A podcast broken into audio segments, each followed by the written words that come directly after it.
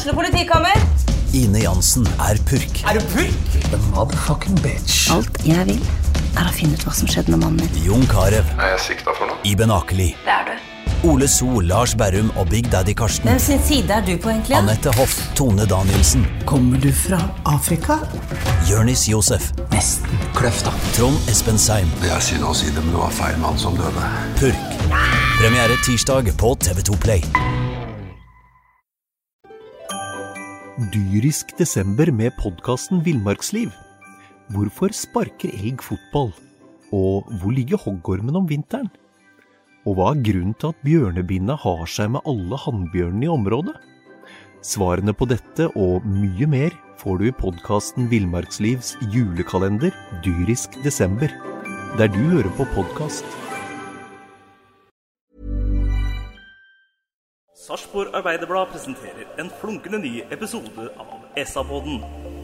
Med Patrik Walter Larsen, Petter Kalnes, Øystein Veberg og Bjørn Inge Bingen Nilsen. SA-podden blir gitt til deg i samarbeid med Fleksi. Regnskap med et smil. Hei, hei, og hjertelig velkommen til SA-podden. Det er en stor glede å endelig igjen kunne ønske velkommen til alle de faste deltakerne her i SA-podden. Velkommen, Binge. Tusen takk, Patrick. Og god aften, Petter Kalnes. Likeså, Patrick. Jeg vil gjerne sende en hilsen til Bingen og gratulere med fine solbriller. Han var en, eh, det var en berikelse å se Bingen på stadion. Ja, det var helt nydelig. Slapp vi regn eh, litt av stund på stadion der, og sola skinte, så det var helt eh, perfekt. Og så har vi sistemann her, som er Øystein Weberg. Hei, Patrick. Jeg vil kaste en liten ball til deg. Skal vi spille flat firer i dag, eller vil du at vi skal være i en mer diamantformasjon? Hva tenker du? Ingenting ved den fireren her som er flatt i det hele tatt, Øystein, så det tar vi litt som det kommer. Vi begynner eh, så smått å oppsummere, vel. Eh, Sarpsborg 08 Haugesund eh, 0-0, men et spillemessig overtak eh, i mine øyne i hvert fall, og stor, eh, stort overtak også i sjansestatistikken for eh, hjemmelaget. Ja, mulig at eh, den er i overkant farga av den eh, søndagskampen som var, hvor eh, Stare legger lista for eh, hva en kan egentlig kalle en sånn kamp. Eh, Var det katastrofkamp som var så svak at den knapt var mulig å analysere? Det er ingen tvil om at dette her er en, eh, en bedre utgave av 08. Eh, Vi kan komme tilbake til at det er mye å sette fingeren på. Men et steg opp fra sist søndag, det er det i hvert fall ikke noe tvil om at det var. Hva tenker du, Petter? Jeg er helt enig, Øystein. og Dessuten er dette den tredje hjemmekampen på rad uten baklengsmål. og Det er eh, positivt. Og hvis vi skal tenke det verste scenarioet, at eh, Sarpsborg eh, kommer til å ligge omtrent der man gjør på tabellen nå resten av sesongen, så er det kjempesterkt å ikke slippe inn mål.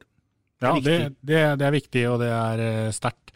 Så er det kanona sjøl, Bingen, som skal få lov å, å fortelle hva han mener om kveldens oppgjør. Nei, jeg tror Haugesund øh, fikk akkurat det de kom for, ett poeng. Og jeg syns de kontrollerte dem ett poeng øh, på en øh, suveren måte. Og vi utfordra aldri deres defensive spill. Og utrolig langt til mål hver gang vi erobrer ballen, og jeg syns det er helt tilfeldig om vi klarer å skåre mål eller ikke. Men defensivt så var vi solide, og vi får ett poeng. Ja. I min sjansestatistikk så står det 7-1, så er det mulig å skyte ned den med hvor stor eller små en mål, eh, hvor stor eller liten en målsjanse skal være før vi skal telle den. Men eh, jeg har nå en gang notert opp eh, sju store muligheter. Da. Ja, og hvis du har notert eh, 7-1, Patrick, så er det 7-1. Altså, dette her kan du.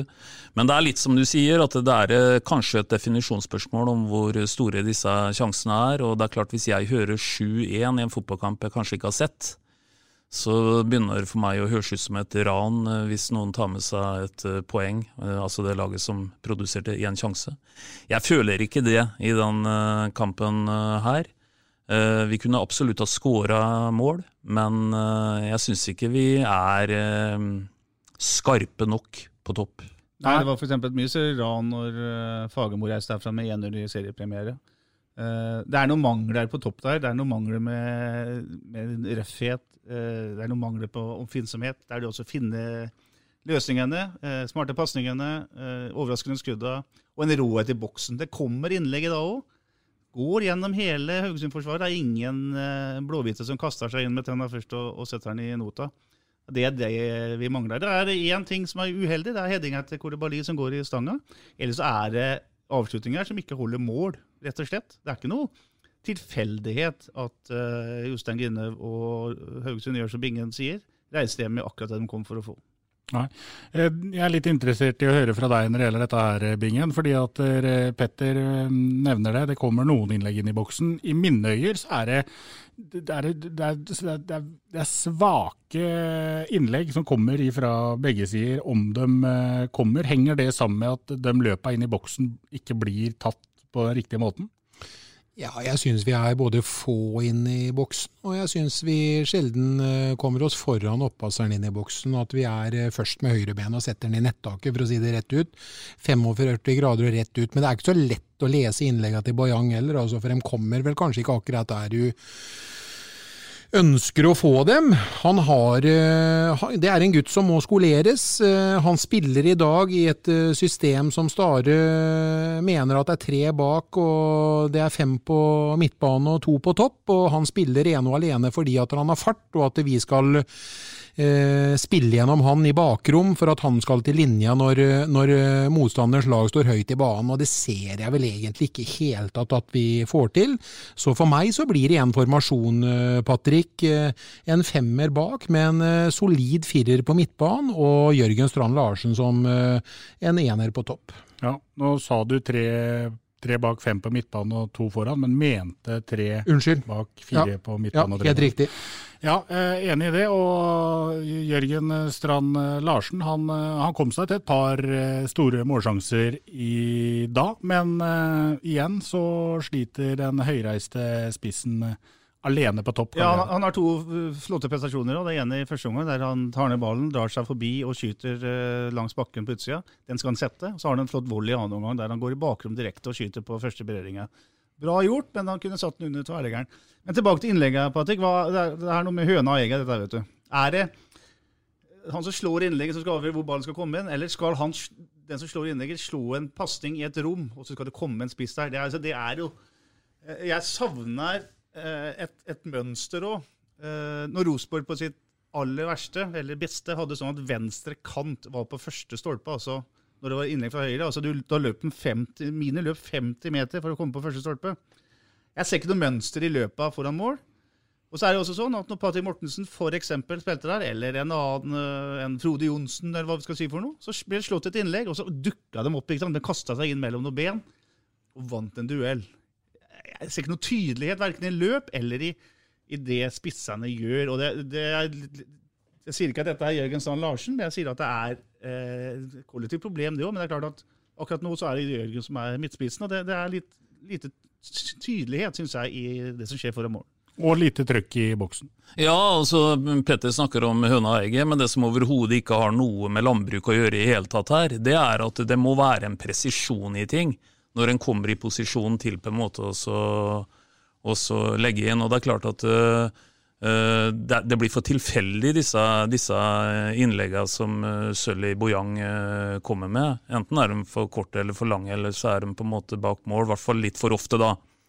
Så jeg er enig i det du sier, Petter, i forhold til at, at en kan diskutere kall det strukturen i forhold til hvordan en bygger opp og hvordan en kommer til sånne posisjoner. Men når en tross alt da kommer til innleggsposisjoner, og det kommer aldri til å gå av moten, det så er en nødt til å være presis med den siste pasningen. Ellers er alt som er bygd opp fram til det, er bortkasta.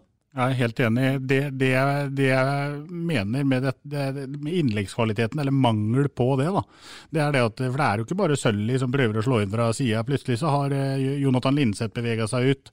Klarer ikke å løfte ballen. Det er eh, forsvareren på første stolpe som kommer på den både to, tre og fire ganger. innlegg. Innlegga fra venstre fra Joakim kommer ikke ordentlig inn i boksen. Det er ett skikkelig bra innlegg i dag som eh, Ole Jørgen er nære på å, å rekke fram på. Eller han rekker fram på, men han får bare så vidt pannebrasken på den etter et innlegg fra fra Ofkir. og der, er, der, skjer jo noe av det vi prater om. At det er en som, som tar den krigen og stuper inn, og så kommer han ett tidel for sent. Ja, det er egentlig kanskje enda bedre innlegg. Et stykke ut i andre omgang, så kan vi ta kronologien etterpå. Men eh, det siste Ofkir gjør før han blir tatt av bane i dag, det er en markkryper som kommer mot den som egentlig jeg trodde at han eh, hadde ferdigheter til å sette på kassa. Eh, der ser vi hvor farlig det er når den såkalte 45 kommer bak. Og, det, kommer et, det kommer et kollektiv med folk som er interessert i å få avslutta. Og og, og, og, det ble en kjempestor sjanse, basert rett og slett på at en greier å trøkke den ballen der 45 utover igjen, og der eh, var det muligheter. Helt enig, og der er det vel eh, Ole Jørgen som bryter. Slipper til Linseth. Linseth 45 ut of Kier. Of Kier sleiver den eh, kula både over og utafor mål. Der har du jo det vi prata litt om før seriestart. Presisjon i kontringsspillet samtidig som at det går fort. Men så er det det siste lille som mangler der, Bingen. Vi har vel liksom ikke noen sånn eh, feinschmecker goalscorer i, i, laget vårt. Vi skårer jo for lite mål, det er jo ikke noe tvil om det. Nå har vi spilt elleve kamper, og hva har vi skåret da? Vi skåret ti mål. Og eh, jeg nevnte det når vi vant 2-0 over Odd, at eh, vi er langt ifra friskmeldt. Og etter det så har vi spilt nå to kamper. Tapte 3-0 i Stavanger mot Viking, og vi spiller 0-0 hjemme i dag. Og det er jo egentlig langt ifra godt nok, og jeg sier det, det er mange som ikke er enig med meg i det, men jeg kommer til å stå ved det, at antall innslupne mål i forhold til antall spilte kamper, det er ikke det verste, men eh, skoen trykker definitivt offensivt, og vi famler for mye, og vi bruker for lang tid når vi erobrer ballen, vi eksploderer ikke i lengderetning. Jeg ser ikke, og jeg sier igjen, jeg, og uavhengig av spillesystem, så ser jeg ikke at Stare har utvikla verken enkelt enkeltspillere eller, eller laget som sådan. Jeg syns vi famler veldig, og jeg kan ikke si at der, vi har tatt et steg i riktig retning i forhold til da vi unngikk å rykke ned med ett mål i fjorårssesongen. Det er litt interessant det du sier der, Bingen. Og da, da kaster jeg ball videre til deg, Petter. For hva har du sett? Hva mener du Stare har utvikla i dette laget i løpet av den tida han har vært her? Nei, jeg vil først og fremst si at jeg syns vi har fått den effekten av det trenerbyttet, formasjonsendring og nytt regime som vi trodde og håpa på. Det så bare hvor, hva vi tippa hvor Sarpsborg havner på tabellen. Eh, det er jo helt et annet eh, lag vi ser nå. Jeg syns det, det, er brukbart defensivt. Jeg er enig med Bingen. Antall innslupne mål er greit. Jeg syns det er bra strukturelt defensivt. Det målet vi har sluppet inn, det er veldig mange mål av det skyldes personlige feil. Eh, ingen av de tre bak er spesielt gode én mot én langs bakken. Altså Det blir, blir for lett dribla. Det har vært noen straffer, det har vært noen eh, keepertabbe, noen tapte dueller. Men så er det, som Bingen sier, det er akkurat samme utfordringa da som det var i fjor under uh, Geir Bakke. Det er det strukturelle, eh, organiserte, etablerte angrepsspillet. Jeg ser ikke at det man trener på, eh, kommer ut i kamp. Og jeg ser ikke at de de samtidige bevegelsene som, som, er eh, utrolig viktig, eh, skjer i kamp. Og så er det et tilbakevendende problem i Sarpsborg 8s historie, faktisk. Den er ganske kort, men det, det har vært kontringsstyrke. Jeg syns det var mye fint i vinter. Jeg skrev at det her er i ferd med å bli et kontringslag. Det er helt borte. I dag er det ikke mange muligheter for i, i en seriekamp. Du får kanskje et par til muligheter. Og, og, man er ikke gode nok til å ta dem i det hele tatt. Så Sånn sett så syns ikke jeg at man har klart å utvikle det offensive spillet i det hele tatt. og det, Derfor så står man jo faktisk på stedet hvil sammenligna sammenlignet med det som var i fjor, etter at en tredjedel av sesongen har vært så det er spilt. Står, det går litt i stampe, Øystein. Ser man på lagoppstillinga og, og elveren Sarpsborg 08 sender ut på i kampen mot Haugesund, så ser det jo heller ikke stor forskjell kontra laga som ble sendt ut på banen mot slutten av sesongen i fjor. Nei, det er et godt poeng at det laget som, eh, som eh, var ett mål unna å gå ned eh, i 2019, det er spesielt hvis du ser opp imot dagens lagoppstilling, ikke veldig fornya. Og så har jo noe en skadesammenheng osv. Vi trodde jo på at det skulle komme tilbake en Malec. Vi har jo hatt en Saletros på banen. Men for å følge sporet til Petter litt her, så er jeg helt enig i at jeg savner veldig at de relativt få gangene som vi får de overgangsmulighetene, da, at vi tar dem helhjerta, eh, som det heter. Vi gjør jo ikke det. Det går for seigt. Eh, der er det mulig å bevege seg raskere i lengderetning og, og, og gi motstanderforsvaret større utfordringer, men, men det evner vi ikke i dag. Enig i det. Bingen har allerede vært litt inne på det. Det blir for lang vei til mål de gangene man erobrer eh, ballen og bryter. Og, og, den ene gangen de virkelig gikk fort i lengderetningen etter et brudd I dag har vi jo vært innom allerede, med Ofkir som, eh, som ender med å avslutte, avslutte utafor. Eh, hvorfor tør man ikke å stå høyere på hjemmebane mot et uh, Haugesund-lag? Nei, altså uh, I vokabularet til Mikael Stare så er det enten høyt press eller lavt press. Jeg synes Hvis du ser, sesongen under ett, så er det altfor sjelden at man i lengre perioder i kampene har hatt et høyt press. Det kan skyldes at det er stor belastning på spillere, mye kamper, tette kamper osv. Men jeg er litt skuffa at ikke man har stått høyere.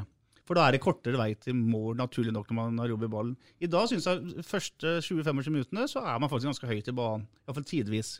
Og da er det jo mulighet til å, å, straffe Haugesund. Haugesund sliter med å komme ut av forsvar. Men jeg er enig med Bingen. Altfor ofte så ligger de med en femmer bak, og da er det himla langt til eh, mål når man erobrer ballen. Da som regel midt på egen banehalvdel. Det sier seg sjøl. Og så er det litt som Øystein sier, da. Eh, det er litt med hvilke valg som blir gjort òg. Altså, det er greit å gå i angrep eller slå kontra, da. Men da må du gå fort, og så må du ha smartness også et spørsmål hvem i dette laget er den kontringsspilleren som, som slår gjennom den riktige pasningen, slipper pasningen til riktig tid osv. Altså når Bodø-Glimt var som best på kontringer i fjor og året før, så var det ikke bare det sprang fort, men det var en eller annen som spilte ballen smart. ikke sant? Du mener i fjor, året før og ikke minst i år? jo, men i år så syns jeg Bodø-Glimt er mye mer kontringslag. da. Mm. Altså I år er jo Bodø-Glimt et, et, komplett angrepslag. Mm. Men det var jo en periode her med Trond Olsen sånn at det bare handla om kontinger, nesten. Det er det, ja, den ja. sammenligningen jeg vil trekke. Altså. Fordi at her. Ja, for nå har jo dem utviklet Rosenborg til de grader. Med bekk inn på indreløper, ut på, på, på, på kant igjen, og så inn i midten. Ja, de har, også, og når de erobrer ballen på egen banehalvdel, så har de jo liksom ikke en enslig svale og tre til som kommer opp uh, over midtbanen for å være med på et angrep. Her kommer jo sju-åtte mann fossende. Det går fort, vet du, Bingen. Og kombinasjonsspill spill. Den flytter jo ballen fra egen, eh, egen 30-meter, og det er jo gjort i løpet av en 3-4 mm. sekunder, vil jeg påstå. Hvis du gjør det mange nok ganger, hvis du sier at der, hvis du slipper ti sånne angrep opp i et trakt, så kommer du gjerne ut med ett mål. Men hvis vi har ett sånn et angrep som vi kan snakke om her i løpet av én kamp, ja, da blir det faen ikke mål, altså. ja, men Poenget mitt er at Bodø-Glimt er avhengig av Patrick Berg, da, som slår den pasningen igjennom et par ledd. Ja. Ja. Eh, Saletos var sånn tidvis i treningskampene, han bør vi ikke snakke om lenger, for han er borte vekk. Men uh, Eikrem i, i, Molde ikke sant? ha noen typer. Uh, og nå som uh, Saletos er borte, så er det store spørsmål hvem tar den rolla der. Uh, I dag var det Linseth og Kolibali. Kolibali er fortsatt for forsiktig i passingsspillet. Mye safe pasninger.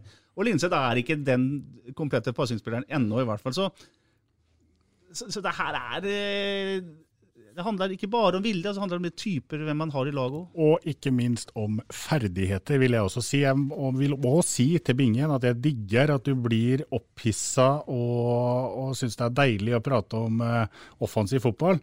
Men du trenger ikke å rope, vi hører deg godt selv om du holder toneleie sånn relativt. Hvorfor sin nicht Deutsch når du er sinna, Bingen? jeg, jeg, jeg, er fornøyd med at vi får et poeng, men jeg skulle gjerne på hjemmebane. Nei, nå må du slutte, nå jeg skal gjerne på hjemmebane, så skal vi ha tre! Ja, og så skal vi ha ett i Stavanger. Vi skal ikke tape 3-0. Ja, men Bingen, er, Bingen har blitt avbalansert, uh, Patrick. Den gangen, den gangen, han gikk på Grankjelleren osv. på 80-tallet, så var han mer enn løs kanon på dekk. Han er ikke det lenger. Han er helt, helt rolig nå. Men jeg vil jo stille det samme spørsmålet til deg, da, Bingen. Ja, ja. Hvorfor står man ikke høyere mot Haugesund? Det må jo være en eller annen grunn til at man legger seg såpass dypt? Nå har jeg sett det så mange ganger, og så har jeg hørt uttalelsene til eh, Mikke Stare om at presser, det er to typer å presse på. Enten skal vi presse lavt, eller så skal vi presse høyt. Det er ikke noe mellomting. Da, Men har han ikke typene til å presse høyt i større perioder av matchen? Nei, ellers så evner han ikke eh, å implementere det i, i laget sitt, verken taktisk eller teoretisk. da. Da velger jeg å tro at det er en mangel i hans uh, trenerkunnskap. Og jeg, jeg, jeg, eh, jeg slakter ingen nå, jeg, skulle gjerne sett at han satt litt mer preg på det han kom hit for å vise. Det jeg tror jeg, Stare gjerne skulle sett, Binge, men det får vi helt sikkert ikke kanskje han sånn direkte til å si. det er at han kunne tenkt seg noen flere verktøy i verktøykassa si. Ja, Men da går det på benchen igjen, det.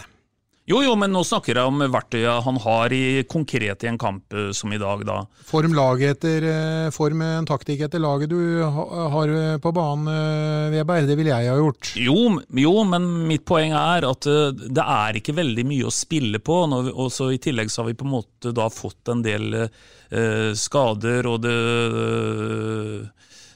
Ja nå skal jeg ta den med en gang, før du driver og snakker deg bort. For at her i, her i, vinter så hørte jeg Thomas Berntsen si at vi hadde en Sigurd Kvile som uh, hadde takter som Rune Bratseth. Han har jeg ikke verken hørt om eller sett på banen etter det. Vi så han varme opp i dag. Ja. Uh, og så leser jeg det at vi skal hente inn en stopper. Eh, men vi skal ikke hente inn en midtbane eller offensiv midtbane, eller vi skal ikke hente inn en spiss. Da begynner Dyrisk desember med podkasten Villmarksliv. Hvorfor sparker elg fotball? Og hvor ligger hoggormen om vinteren? Og hva er grunnen til at bjørnebinna har seg med alle hannbjørnene i området? Svarene på dette og mye mer får du i podkasten Villmarkslivs julekalender dyrisk desember, der du hører på podkast. Jeg ramler helt av båten, jeg, Weber. Ser vi ikke hvor skoen trykker, eller har, vi begynt, har fotballen utvikla seg sånn at elementære ABC ikke gjelder lenger?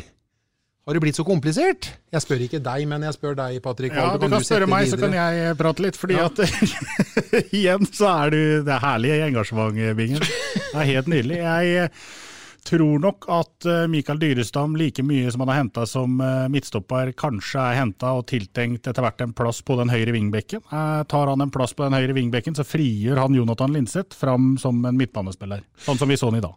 Ja, men da håper vi at du har rett på det, for da skal han inn for Sølly Boyang. Er det det ja, du sier? Ja, i, i, dag ville han vært bytta inn for Sølly Boyang, ja. tror jeg, da. Det er det jeg tror. For da skal han rundt og slå pasninger 45, og vi skal fylle opp med både fem og seks mann inn uh, i boks. Forhåpentligvis. Ja, det er det vi skal da. Ja, men det er fantastisk. Jeg gleder meg til det, Patrick. Ja, det, det blir i hvert fall eh, Vi må i hvert fall uh, glede oss og gi Dyrestam en sjanse. Det blir spennende å se hva han kan bringe til bordet. Og Petter har akkurat vært, vært så vidt innom det. at Kapitlet om Anton Saletros er slutt, i hvert fall for Sarpsborg 08. Rostov skal ha han eh, tilbake igjen, og dermed så har vi sett han for siste gang i Sarpsborg 08-drakt. Og da trengs det vel uansett å få inn en ny sentral midtbanespiller. Ja, og så vidt jeg skjønner så jakter de på én, da. Men det, det, er vel ikke så lett å finne en som er kontaktløs og kan gå inn og gjøre det nå. Men uh Eh, jeg har sjelden sett en spiller, hvis vi ser litt på 08s korte historie igjen, da, eh, som har gått inn og satt sitt pre på et lag så mye på så kort tid som det Saletos gjorde. Eh, nå kan vi diskutere om hvor bra han var i kampene. Han var ujevn. Eh, aller best helt tidlig i perioden sin, men du verden for en mann som og tok ansvar. altså. Og da i ansvar i form av å ha ball hele tida. Så det er klart det er en som han må erstattes. Jeg syns eh, årets eh, mest positive ting så langt er jo at Kolibali har blitt en eliteseriespiller som det virkelig Eh, svinger av. Eh, I dag var han god igjen, og han kan jo bli en eh, offensiv kraft sentralt på midtbanen. Og han må bli det, så sant man ikke henter inn en, en la oss si Saletos-kopi. da. da slutt, vi kan ikke begynne å hente inn en for som skal erstatte Kolibali. Nei, det er ikke det jeg sier, Bingen. Jeg sier at uh, da kan jo f.eks. Innsett fortsette. Nei, det var ikke noe til forkleinelse for deg, det. Men hvis klubben gjør det nå, da skjønner jeg absolutt ingenting. Nå skal de ikke inn og erstatte Kolibali. Nei, Kolibali, Kolibali skal spille, men Eh, Kolibali trenger jo å komme seg litt tilbake til der han var i begynnelsen i det han kom inn på, og få lov til å bruke de offensive fibrene sine.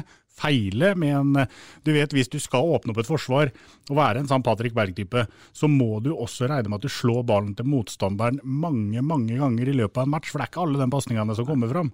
Men du må tørre å prøve, og det tror jeg kanskje at Kolibali kan få lov til etter hvert, hvis han får en mer defensiv, trygg eh, kamerat ved siden av seg på midtbanen. Og så må jeg arrestere Bingen på én ting når det gjelder Sigurd Kvile. For nå har vi jo akkurat sittet her og prata om at defensivt så, så syns vi jo det ser relativt ålreit ut. Og Derfor skjønner jeg ikke hvorfor vi skal hente en stopper til. Kan du ikke heller bruke Sigurd Kvile hvis det skulle bite bak, da? Ja, men vi har ikke henta en stopper til. Vi har henta en eh, forsvarsspiller som antageligvis kommer til å spille høyre ving. Ja, men det gjenstår å se. Men da gleder det meg, for å si det sånn. At vi får et offensivt uh, verktøy. Men da må vi følge opp forover. Gutter, én ting en til. Én ting før du kommer med det, ja. Bingen. For det er klart Når du strammer, strammer mina og på en måte blir så streng som du var nå, ja. og, og, og, i tillegg så, så, har jeg respekt for at du var profesjonell uh, tysk fotballspiller tidlig på 90-tallet. Det eneste jeg kan si på tysk, det er Er hatt ein knallerotus gummibåt uh, med Die Wenche. Ja. Men tilbake til Kolibali, for jeg bare, bare si det, Patrick. Jeg syns Kolibali da gjør en, gjør en manns jobb. og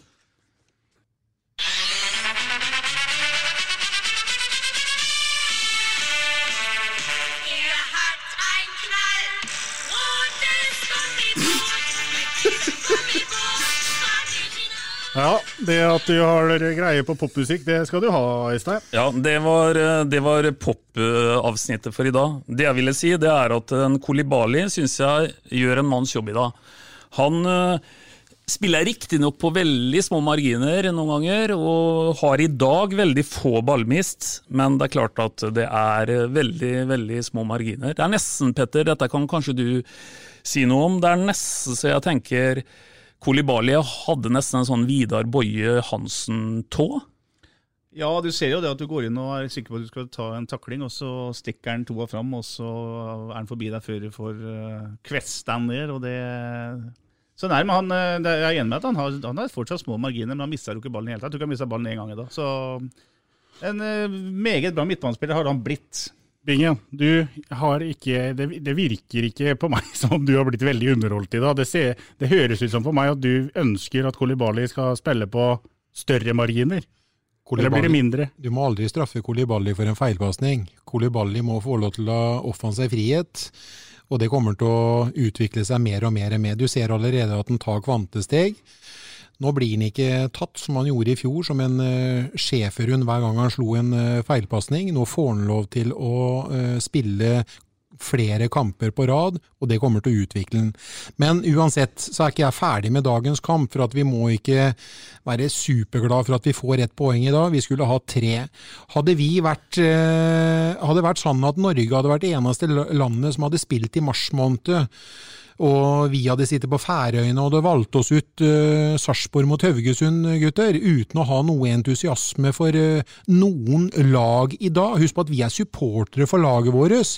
Så hadde vi jaggu meg med pizza og øl oppe på Færøyene og se Sarpsborg 08 mot, uh, mot Haugesund i dag, så hadde vi jaggu meg ikke gått bananas av spektakulære frispark, knallharde taklinger, øh, flipperspill i et pasningsspill osv. Jeg ser ingenting av det, gutter. Derfor er jeg egentlig veldig nedstemt. Jeg syns alt vi gjør offensivt er fryktelig tilfeldig. Jeg er enig med deg. Vi hadde satt på Wenche Myhre i pausa. Vi hadde satt på Wenche Myhre, men det er jo ingen som har sagt det du sier da, Bingen. Det er ingen som på en måte har blitt uh, overvelda av underholdningsfaktoren. Nei, men da velger jeg å si det ingen andre sier, da. Jo, jo, men jeg syns du har et godt poeng. Ja. At uh, det er ikke denne kampen en uh, hyggelig, kjøper uh, pizza til. Nei. Og vi er jo for øvrig ganske enige stort sett, vi da, The Bing. ja. Ja, vi, Alle er vel enige om det at det er ingen her som er superglad etter 0-0 mot uh, Haugesund. Og at det er mange ting å sette fingeren på. Det er det jo ikke noe tvil om. En Mye dem, å jobbe med. En av de tinga jeg vil uh, sette fingeren på, er uh, Du var inne på det, Øystein. verktøykassa ha flere og bedre verktøy i verktøykassa. Det, det hjelper, det. Og et innhopp av f.eks. i dag, en Alexander Jacobsen, skuffer meg fenomenalt. Fordi at eh, han eh, har, som Bingen sier, tidligere vrikka litt på rumpa. men det kan alle gjøre, og, men noe særlig mer enn det blir jo ikke ut av det heller. Nei, nei ikke den X-faktor-spilleren som vi var lova. Uh, på ingen som helst måte. Og sånn sett så er det jo i dagens lag så er det bare Ofkir som er helt ny fra i fjor, hvis ikke jeg husker helt uh, gærent. I tillegg til keeperen. Og keeperen, selvfølgelig. Men han, uh, keeper kommer og går, som vi, som vi, har vært vant til her i Sarpsborg i hvert fall. Så det er klart at uh, kanskje det ikke er så rart at laget ligger på nedre halvdel av tabellen. Når, Nei, vi er vel mest sannsynligvis, Petter, den eneste klubben i år uh, som ikke lykkes med en danske, for å si det rett ut. Eller så fosser de jo fram Ja, har gjort for alle andre, andre, andre lag. Absolutt, men nå er det spilt elleve kamper. La oss stikke fingeren i jorda da og si det at eh, dette laget her, det er ikke så bra som vi så for oss på forsesongen, da resultatene gikk riktig vei, og vi så offensiv eh, fotball, eh, ting gikk kjapt i, i lengderetningen, eh, man klarte å doble på kant, man kom på overlapp, og man klarte å lage overtall, og man klarte også å storme inn i boksen, og man klarte å kontre.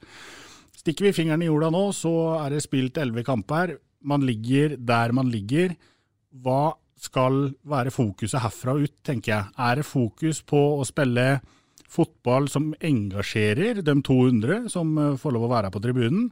Eller skal man være kyniske sesongen igjennom og, og ta nok poeng til å overleve i Eliteserien? Det er i hvert fall ingen tvil om at uh, det siste du sier er det aller, aller viktigste. Altså, vi må overleve i Eliteserien. Uh, Det tror, jeg vi kan, det tror jeg ikke vi bare liksom kan velge. Jeg tror Nei, nei, vi men- men- lagt for det. Det- ja, ja, det må absolutt, jobbes for, men, absolutt, men, men- hva, hva er viktigst da, for ja, oss som ja, sitter her? definitivt, definitivt viktigst å overleve i Eliteserien, og så får underholdninga komme etter hvert. Og Sett i lys av det, da, så, så er eh, faktisk et poeng i dag ikke helt uviktig i den, eh, i den eh, sammenhengen der. Men eh, for å understreke Bingens poeng en gang til, så er ikke noe eh, Hannestad pizza nummer sju med skinke og pepperoni og, og full underholdningsverdi på dette i dag. Det, så ærlig må vi jo være. Jeg tror to erkjennelser er viktig å ha nå. Det ene er at uh, man må erkjenne at man er et båndelag per nå, og at man kanskje kommer til å være der. Den andre erkjennelsen er jo at man kan se litt i speilet og si at man kunne fort ha hatt seks-sju poeng mer ut fra den første femkampers-serien uten poeng. Så helsvart er det ikke, men, men per nå er det en, eh, en eh, realitet at Sarpsborg ligger der de ligger, og det må man bare ta inn over seg og jobbe derfra. Og da er det ikke underholdning poeng i hele tatt. Og en annen grunn til at det ikke er eh, på noen måte helmørkt, eh, Patrick, det er at det er to lag som er imponert så langt eh, i år i Eliteserien. Eh, Det er jo Bodø-Glimt i særklasse, og til dels også Molde bak der. Og så kan vi tenke oss at Rosenborg har jo ressurser til å, å komme dit de stort sett eh, vil ligge minimum. Men bak der så er det jo ingen som på en måte har, eh, har eh, fått noen til de store høydene. Så, så vi møter mye jambyrdig motstand framover, da. Og for ikke snakke om det som skal komme førstkommende søndag. Det, hvis vi noen gang skal kalle noe en sekspoengskamp, så er det det. Der kan, vi, der kan vi legge et lag bak oss for måneder. Ja, det er artig du sier det, for det at alt som har vært spilt av fotballkamper nå de siste hva blir det for noe, fire ukene, har vært sekspoengskamper, og det kommer en ny en til helga. Ja, den er jo knallviktig. Det, det, altså, jeg holdt på å si eh, I forhold til hva som møter oss de tre neste etter Ålesund, nå til søndag, så er vi vel strengt tatt, eh, før jeg har spilt halvveis, eh, nesten helt avhengig av å få en eh, trepoenger til søndag. Så får alt som skjer i de tre neste være et pluss. For noe som helst arbeidsro, så er jeg helt enig med det, Bjørn Inge. Og så er det jo et Ålesund da, som nå omsider fikk seg sin eh, første seier. Vi har prata om det tidligere, Øystein, at statistikkeren må brytes i Eliteserien 2020. For ingen hadde overlevd i Eliteserien etter å ha tapt eh, de fem første kampene.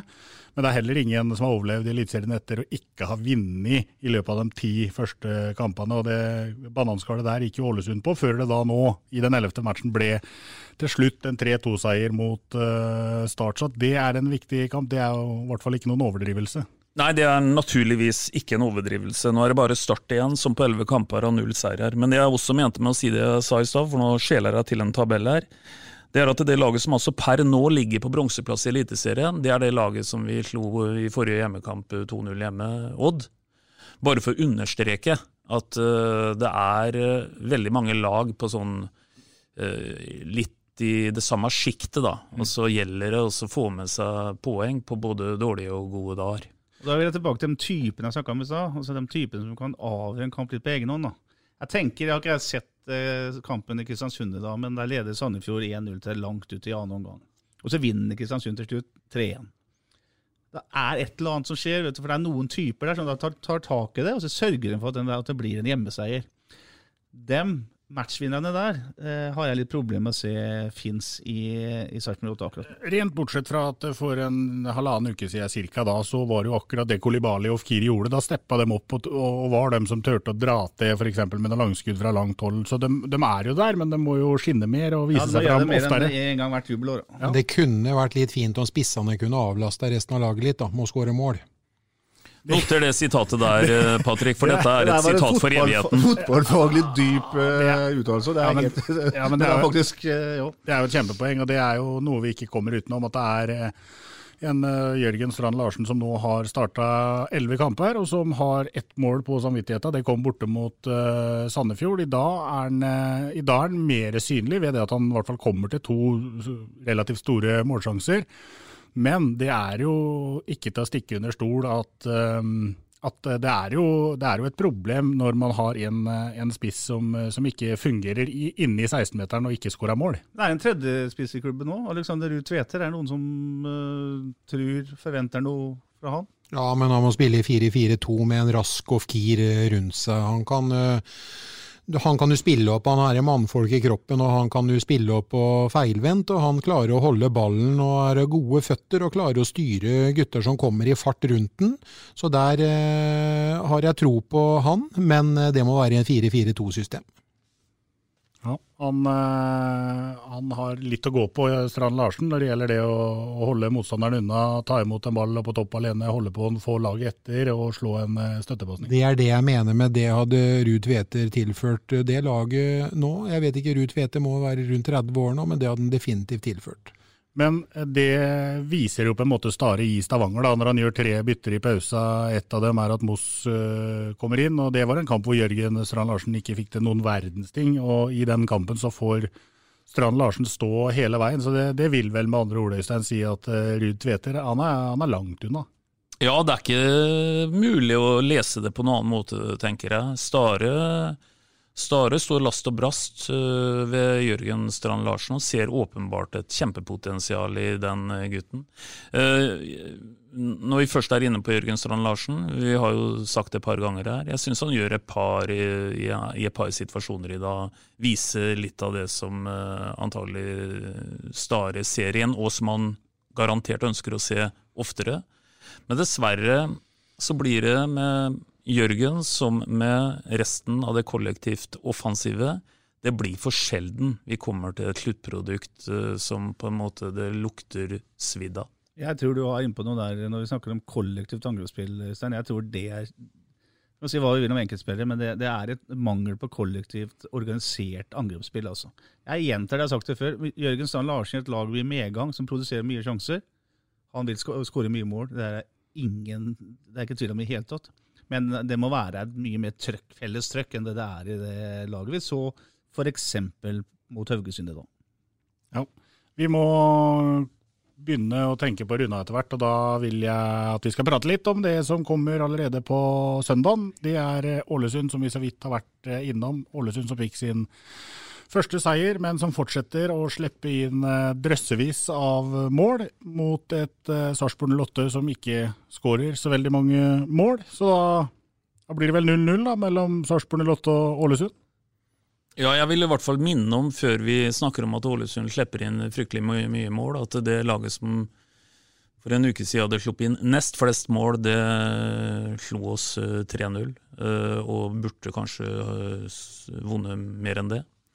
Så igjen, det er bare én ting som gjelder, og det er 100% innsats og fokus inn mot denne kampen, og han blir helt utrolig viktig. Jeg sa i dag at jeg trodde vi skulle vinne 1-0, og at jeg skulle høre freselyden i hjelmen til Utvik, som skåra på dødball. Sånn gikk det jo ikke i dag. Men da tar vi rett og slett sånn copy-paste på det tipset. Så jeg tror vi vinner 1-0 til søndagen, og Utvik header inn en dødball.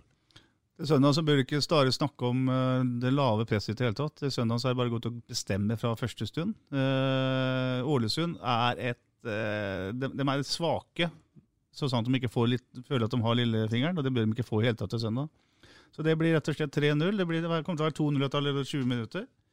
Og så blir det 3-0 i annen omgang. Og da er Jørgen Sand Larsen skårer først, så skårer Ofkir, og så skårer eh, Mikael Dyrestam, som kommer inn i annen omgang. Vi skal spille mot et lag som har skåret femte mest mål, faktisk, i, i Eliteserien hittil i år. Eh, Det er bare fire lag som har skåret mer enn dem, og det er et båndlag. De ligger helt på bånn. Eh, Jeg tror eh, et lag som har skåret halvannet mål i snitt eh, offensivt, også kommer til å skåre på Sarpsborg stadion. Det betyr at vi må skåre to, og vi vinner 2-1. Uvesentlig hvem som skårer, men vi vinner 2-1. Ja, da er vi i hvert fall enige om at det blir poeng hjemme mot Ålesund på søndag. Og etter at det har blitt poeng hjemme mot Ålesund på søndag, så møtes vel vi igjen, vi gutter. Og da blir det en ny podkast, og den kan du da høre mandag morgen. Hasta la vista. Ja, jeg hadde egentlig tenkt å Det så ut som Petter hadde tenkt å si noe, men han brydde seg ikke noe om det likevel. Jeg hadde egentlig tenkt å kjøre en, liksom, en variant av en avslutning i dag. Og da skal jeg fra Jeg skal hilse fra en intellektuell, jeg skal hilse fra en uh, campinggjest, jeg skal hilse fra en høymælt en, jeg skal hilse fra en uh, tjukk en, og så skal jeg si sånn som vi pleier å si. Vi prekas! Prekas! Ha det bra. Hei, hei. SA-podden blir gitt til deg i samarbeid med Fleksi. Regnskap med et smil. Du har nettopp hørt en episode av SA-podden fra Sarpsborg Arbeiderblad.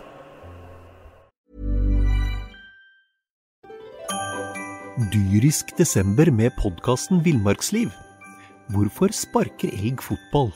Og hvor ligger hoggormen om vinteren? Og hva er grunnen til at bjørnebinna har seg med alle hannbjørnene i området? Svarene på dette og mye mer får du i podkasten Villmarkslivs julekalender Dyrisk desember, der du hører på podkast.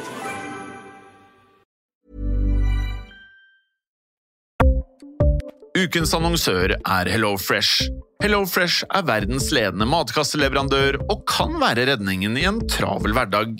Mange av oss har nok vandret i butikken både sultne og uten en plan for middagen, som ender med at vi går for de samme kjedelige rettene gang på gang.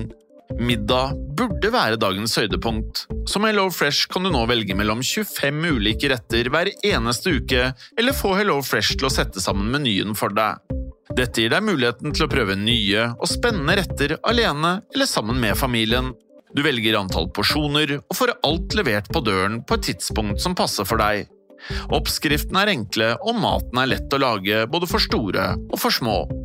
Ved å få alt levert hjem får du også mer tid til å dele matgleden med familie og venner. Kanskje det frister med asiatiske tacos eller greskinspirert kylling? Da kan jeg anbefale deg om å gå inn på hellofresh.no. Her kan du bruke koden FOTBALL og få opptil 1779 kroner i rabatt på de første fem matkastene hvis du ikke har prøvd HelloFresh tidligere. Du kan også bruke rabatten hvis du har vært kunde og stoppet abonnementet ditt for tolv måneder siden eller lengre. Gå inn på hellofresh.no og bruk koden FOTBALL. Har du et enkeltpersonforetak eller en liten bedrift? Da er du sikkert lei av å høre meg snakke om hvor enkelt det er med kvitteringer og bilag i fiken, så vi eh, gir oss her, vi. Fordi vi liker enkelt. Fiken superenkelt regnskap.